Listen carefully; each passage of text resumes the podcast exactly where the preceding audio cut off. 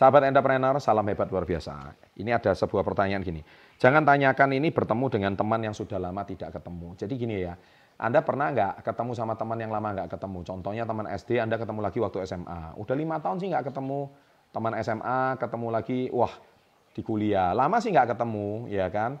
Nah, ada beberapa etika-etika yang harus Anda lakukan ketika sudah lama nggak ketemu sama teman. Apa saja itu? Setelah yang satu ini.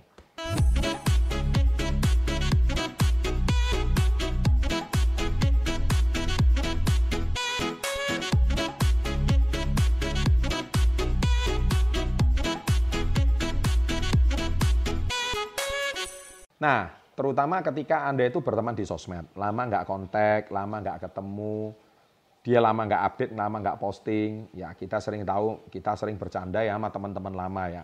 Tetapi kita juga paham kalau teman-teman lama itu eh, sering kali mereka tuh selalu rindu dengan diri kita yang masa lalu. Jadi contoh yang paling kenal diri kita waktu SMP ya teman SMP kita gitu. Yang paling kenal diri kita waktu SD ya teman SD kita gitu. Yang paling kenal diri kita dulu itu mungkin satu klub olahraga bareng ya yang paling kenal ya teman kita Ya, tetapi akhirnya kalau kita lama tidak ketemu, lima tahun, 10 tahun tidak ketemu, nah ada hal-hal yang pantang kamu tanyakan kalau sama ketemu teman lama. Ya, pertama, Anda boleh bertanya sama kondisi masa lalu, boleh. Eh masih ingat nggak sama guru kita yang ini? Nggak masalah, kan namanya reunian. Masih ingat nggak dulu waktu kecil kamu itu suka apa eh, pura-pura pura-pura apa sakit perut ke WC? Eh ternyatanya uh, kamu sendiri main game, contohnya kayak gitu. Nah itu bisa, tidak masalah. Tetapi jangan sesekali nanyakan kondisi sekarang. Boleh sih, wah kamu keren ya, udah sukses ya sekarang itu boleh. Tapi jangan sesekali kamu nanyakan pertama, eh ngomong-ngomong gajimu berapa? Nah orang Indonesia ini kadang-kadang nggak peka masalah ini. Tanyanya itu di kolom komen lagi, ya kan? Tanyanya lagi di situ, eh gajimu berapa? Inbox kayak DM kayak, janganlah nanya masalah privacy di ranah publik Nah orang Indonesia itu masalahnya sangat tidak elok dan sangat tidak etis menanyakan masalah gaji ini. Dan Anda nggak peka dan nggak sensitif. Itu ketahuan kalau Anda itu, maaf ya, eh, Anda golongan kelas bawah. Anda bukan golongan orang berpendidikan. Kalau Anda golongan orang berpendidikan, Anda nggak akan tanya seperti itu. Meskipun kita akrab, kita kenal dia di masa lalu, kita kenal akrab dia itu di teman SD. Contohnya, contoh. Saya juga punya teman nih. Ya, tahu nggak waktu saya reunian ya? Saya reunian sama teman-teman SD ternyata banyak teman-teman saya itu ada yang sudah jadi artis, banyak. Ada yang juga sudah jadi pengusaha sukses, ya itu oke. Okay. Tapi juga ada teman-teman saya yang waktu reunian itu kurang beruntung, ya.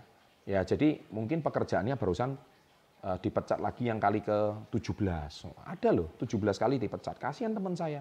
Nah, saya ini kan ya janganlah ya uh, kita menanyakan kondisi yang kurang beruntung ya. Baik kita sebagai teman kita bicara masa lalu aja, kita jangan bicara yang sekarang. Ya, nah ini etika ketika kita sudah lama tidak bertemu sama teman lama. Jadi mulai dari sekarang jangan sesekali nanyakan gajinya. Terutama yang mereka kondisinya kurang beruntung. Meskipun dia kondisinya jauh lebih baik. Ya kita jangan tanya, ih ngomong-ngomong gajimu berapa ya sekarang ya. Itu sangat tidak etis. Sama aja kalau kamu nanyakan gajinya dia, sama aja kamu nanya hal yang sifatnya pribadi. Ya, masa kita nanya, eh celana dalammu warna apa gitu ya, kan nggak pantas gitu.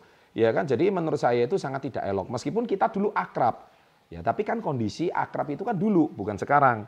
Nah, sekarang juga jangan seakrab seakrab kecuali dia yang memulai nggak apa-apa. Gitu ya. Kadang manusia itu setiap lima tahun itu mengalami perubahan. Mungkin dia dulunya orangnya sangat apa ya e, ngelawak banget gitu, orangnya isi going banget. Tapi sekarang mungkin orangnya lebih pendiam. Nah, kita kan tidak bisa memukul rata ke kondisi teman kita sekarang dengan kondisi kita yang lalu. Nah, yang kedua, ya jangan juga sesekali nanya misalkan eh, apa ya eh, hal-hal yang sifatnya pribadi ya atau sifatnya sensitif. Kadang-kadang kita ini kurang peka gitu. Apakah ini boleh atau tidak? Ya, apakah ini benar atau tidak? Itu etika-etika sosial seperti ini itu sering kali kita itu nggak peka. Nah, channel Success Before 30 mengajarkan kepekaan sosial.